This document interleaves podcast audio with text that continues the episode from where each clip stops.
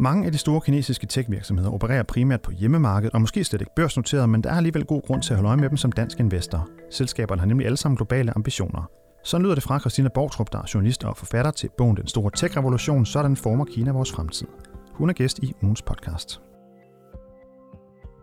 Det kinesiske aktiemarked er i dag relativt lukket land for udlændinge, men alt tyder på, at man gradvist vil åbne mere og mere op, lyder det. Hør mere om lidt. Den amerikanske kaffekæde Starbucks er et eksempel på en af de vestlige virksomheder, som bliver udfordret af nye kinesiske teknologiorienterede konkurrenter. Det kigger vi på mod slutningen af programmet. Du lytter til Investorinsights fra Nykredit. Mit navn er Kasper Sagmann.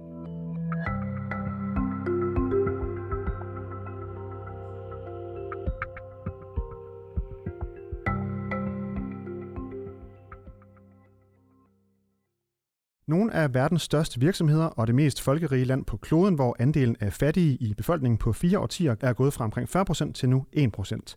Det kan være et par grunde til, at mange investorer har Kina på radaren. Hvis man allerede er investeret i kinesiske aktier, så kan det være, at det er gennem selskaber som Alibaba og Tencent, der er børsnoteret i henholdsvis New York og Hongkong, mens andre kan være med gennem f.eks. Nykredit Invests globale aktieafdelinger.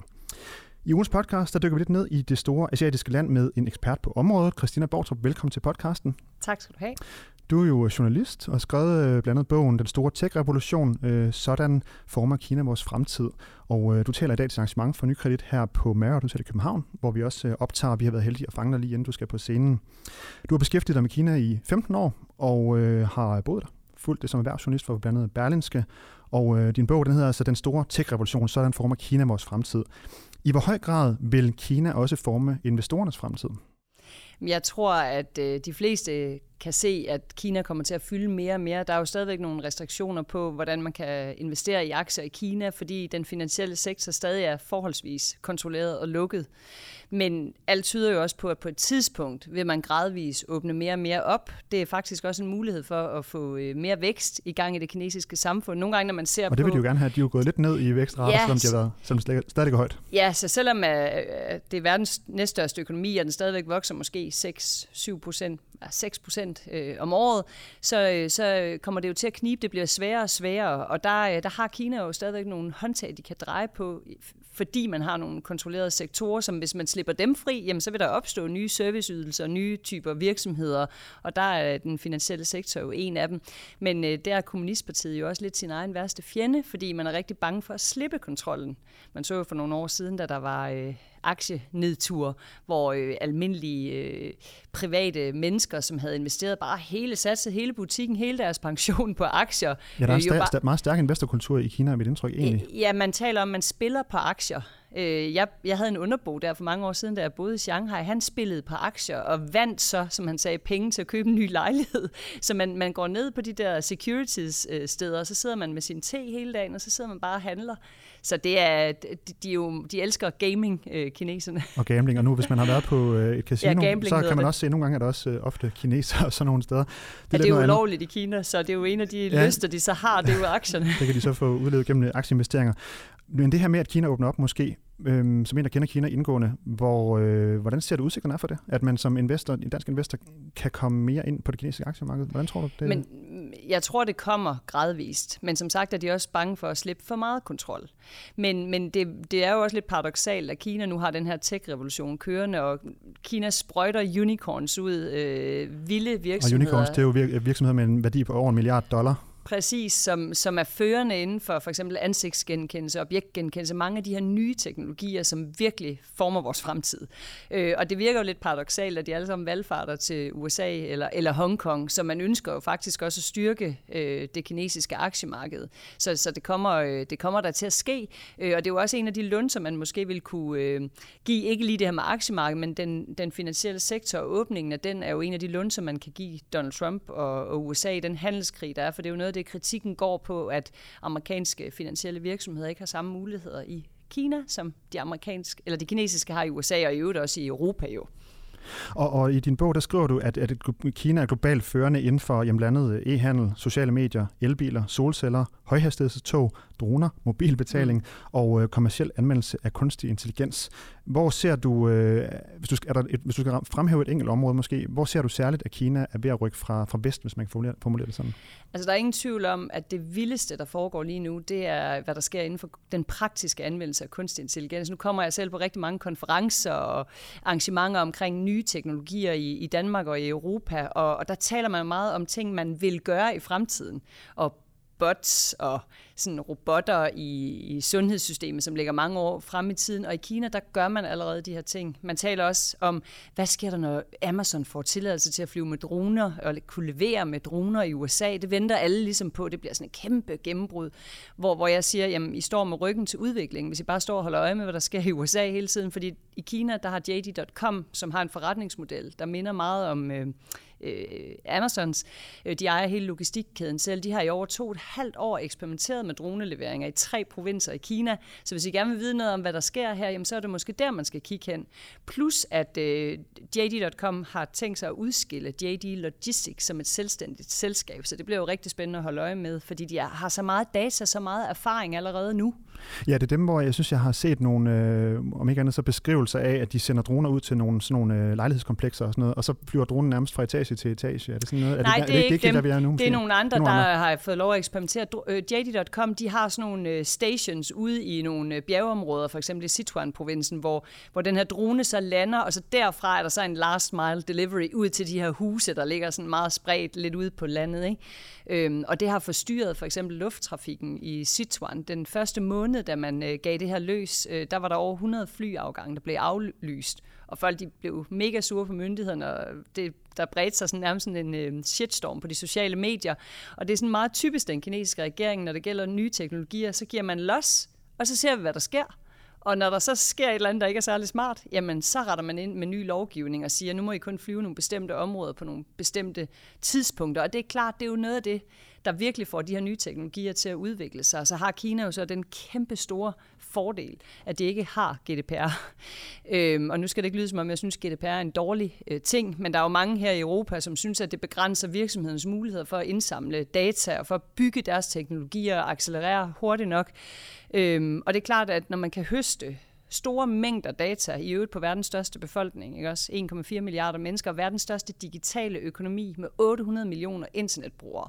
Det giver jo Alibaba og Tencent, de her store virksomheder, nogle ekstremt gode muligheder for at, øh, at lave maskinlæring og for at lave skræddersyet, øh, altså øh, meget personificeret, hvad kalder man det, personalized øh, experiences, ikke? Altså hvor, det, hvor, hvor den her øh, forbrugeroplevelse... Skræddersyet oplevelser ja, for, for kunderne egentlig bliver utrolig, øh, utrolig både underholdende og smooth, fordi de jo kan blive tracket, ikke også? Øhm, og, men jeg tror så, at, øh, at det er et window, øh, som der er lige nu i Kina, fordi øh, der er noget, der tyder på, at den kinesiske regering også er på vej med en slags lovgivning, der minder om GDPR. Kommunistpartiet vil jo så altid selv være hævet over den, fordi de vil jo blive ved med at overvåge befolkningen. Ikke? Men, men der er noget, der tyder på, at de er bange for, at kineserne på et tidspunkt skal blive utilfredse med, at, at de her store datakonglomerater kan tage deres data og tjene en masse penge på dem. Øh, lige så vel som vi her i, i, i vores del af verden er ved at blive lidt bevidste om, at når produkt, øh, platformen er gratis, så er vi selv produktet. Ikke?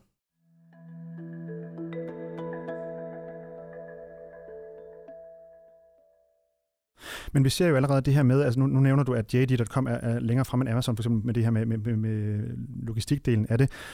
Hvis man sidder og har investor eller har aktier i, i Amazon, så kan man jo godt tænke, det lyder da lidt, mere, lidt sjovere at være med over i JD. De har, de har fat en lang ende og, og så videre. Altså, hvor, hvor, øh, hvor bekymret skal man være som investor i, i vestlige selskaber over for, at kinesiske selskaber på mange måder er, øh, er verdensførende, for de kinesiske selskaber vil jo også på sigt, skulle man forestille sig, gerne ud i resten af verden. Præcis, og det er jo hele pointen med min bog, at den store tech-revolution, der sker i Kina, der kan man sige, vi kan jo egentlig være ligeglade, fordi Kina har jo meget sine egne platforme. De har deres egne Uber, der hedder Didi, som i øvrigt er dobbelt så stor som Uber.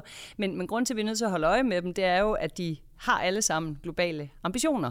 Og hvorfor har de det? Det har de, fordi selvom de er på verdens største marked, så bliver det meget hurtigt meget crowded. Og så er du simpelthen nødt til at søge ud på andre markeder, fordi at der er så ekstrem hård konkurrence om kinesiske øh, eyeballs, som man kalder det, altså deres øh, forbrugernes øh, opmærksomhed på alle de her forskellige platforme. Øhm, men jeg synes, at det er vigtigt, at man som investor og som europæer øh, ikke kun kigger på Silicon Valley, når man tænker fremtid og tænker nye teknologier, fordi som sagt, der er altså nogle selskaber i Kina, som er længere fremme teknologisk, og jeg mener, der er tale om en blind vinkel her. Øh, og lige præcis når det gælder øh, Amazon, så fylder Amazon utrolig meget af medierne herhjemme. Uh, Amazon kommer til Sverige, Amazon er, har spist hele det tyske marked, og nu kommer det snart til Danmark, ikke også? Altså det har, har man ofte på forsiden herhjemme. Øhm, men som investor skal man jo tænke på, hvilke selskaber tror vi på på den lange bane, og der synes jeg, man skal kigge på Alibabas forretningsmodel, og jeg synes, man skal kigge på, hvor er verdens nye forbrugere? Fordi vi er jo faktisk ikke særlig interessante. Vi er jo ikke særlig mange mennesker i Europa, heller ikke i USA. Hvor bor der rigtig mange mennesker? Det gør der i Indien, i Kina, i, øh, i Afrika. Der er 1 milliard i Afrika, der er 1,3 milliarder i, i Indien. Hvilken forretningsmodel tror vi egner sig, eller vil, vil få succes der?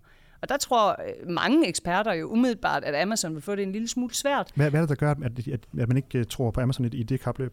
Jamen det er jo fordi, når man ejer hele logistikkæden selv i et land som Indien, som, hvor der ikke er ordentlig infrastruktur. Der kan man sige, det er der øh, nu i Kina, men det har der jo ikke været i alle de år, Alibaba har eksisteret. Så Alibaba har jo meget erfaring i at være i en udviklingsøkonomi, og har i øvrigt været akt, meget aktiv i Afrika. I rigtig mange år har købt sig ind i øh, Indiens førende øh, mobile betalingsplatformer, og har har jo, har jo for længst opdaget alt det her, hvor USA først lige er begyndt at opdage, at der faktisk er nogle forbrugere i Afrika, så det kan godt være, at man skulle satse lidt på det også, ikke? Klart. Det hænder jo også, at, øh, at virke, kinesiske virksomheder går på børsen i udlandet, så de bliver lidt mere tilgængelige. Altså, jeg nævnte Alibaba i starten også, og Tencent, og, og jeg ved, du har et andet sjovt eksempel med et kaffe. Ja, altså jeg, jeg synes, øh, der er nogle ret spændende øh, virksomheder, der, der popper ud af Kina. For eksempel så er Starbucks, det er jo sådan en, en international, global, anerkendt succeshistorie. Ja, som, som de fleste nok kender. Ja, og, og deres model er den samme alle steder. Du går ind og køber din kaffe, får en, en øh, kvittering, så går du ned i den anden ende, og så står du og venter på din kaffe.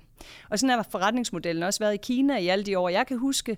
Så her for en 3-4 år siden, hvor det virkelig eksploderede med alle de her virkelig øh, smarte platforme, hvor kineserne er blevet meget sådan med at shoppe og øh, bestille alle mulige services på deres øh, mobiltelefon, ikke? fordi 95 procent af internetforbruget foregår online på en telefon. Ikke? Øhm, så, gik, så gik det op for mig, at øh, de begyndte sådan at søge, jamen kan man ikke få leveret en Starbucks-kaffe? Og man skal jo tænke på, hvis du er en by med 24 millioner indbyggere, så kan det være, at du skal krydse en 8-sporet vej for at komme på Starbucks. Så du sidder selvfølgelig og ser, om du ikke kan få en, eller anden, kine, en anden kineser til at levere den her kaffe. Det, var der, det gjorde Starbucks ikke, og de lyttede ikke til deres kunder. Så det, der sker, det er, at der er en, nogle kineser, der lytter til kunderne, der siger, at vi vil gerne have leveret Starbucks. Så de bygger en platform inde i den her øh, sociale medieplatform, der hedder WeChat. Der bygger de sådan et mini-program, som man kalder dem. Hvor, Man svarer til en app, eller hvad? Ja, det er sådan en mini-app eller en under-app, som de har haft meget stor succes med. Tesla, IKEA har også mini-programs inde i WeChat, som er den mest foretrukne platform i Kina. Så det her, øh, de kalder sig Coffee Box. Der kan du så leve, øh, få, øh, få leveret Starbucks-kaffe og Costa Coffee, som også er en dyr premium kaffe.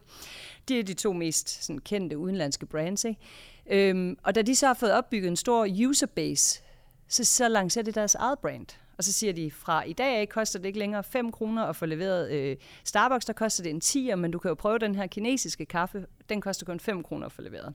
Og så fik de en masse kunder, og det, det er så som sagt noget, der hedder Coffee Box, men Luckin Coffee er et andet eksempel, og den blev øh, børsnoteret på Nasdaq i USA tidligere på året, og det er jo bare sådan ret interessant, at et kinesisk digitalt indfødt kaffekæde bliver noteret på Nasdaq. Men hvorfor tror du, den gør det egentlig? Men det er, fordi den er digitalt indfødt, og det hele det handler om at gøre det virkelig convenient, og det hele det handler om at koble online og offline oplevelsen sammen. Men kunne de ikke lige så godt hente pengene i, i, i på den kinesiske børs, hvis det var det, de ville? Jo, det kan man sige, men der er jo ingen tvivl om, at den her virksomhed har globale ambitioner, og det var jo der, at Starbucks vågnede op.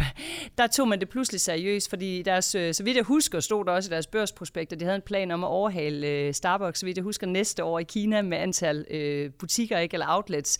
Og så øh, sådan flere år efter, at den her trussel egentlig har været der mod Starbucks forretningskoncept og forretningsmodel, vågner de pludselig op og siger, okay, vi er da måske nødt til at tænke over, hvordan vi skaber værdi for øh, kinesiske forbrugere, fordi dem er der rigtig mange af i fremtiden, der drikker kaffe. Øh, det, det er fremtidens marked.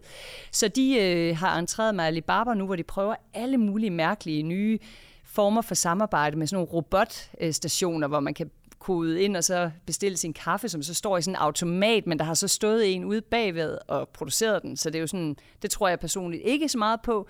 Men de er også begyndt at lave øh, levering via Alibabas øh, delivery platforms. Og det, som jeg synes, det her det illustrerer, det er, at det kinesiske marked det er blevet sådan et must-win battle, fordi det er så konkurrencepræget, og det er så svært at skabe værdi der og, og fange opmærksomhed, også selvom du er et verdenskendt brand som Starbucks. Så du er nødt til at finde ud af, hvordan du kan skabe værdi der, for ellers så får du også et problem resten, i resten af verden. Og det er jo det, er jo det hvor jeg tror, at Lock-in Coffee meget, altså hvorfor har de også et engelsk navn, ikke? Altså, de er selvfølgelig på vej på en global rejse. Det kan være, de kommer til Danmark en dag også.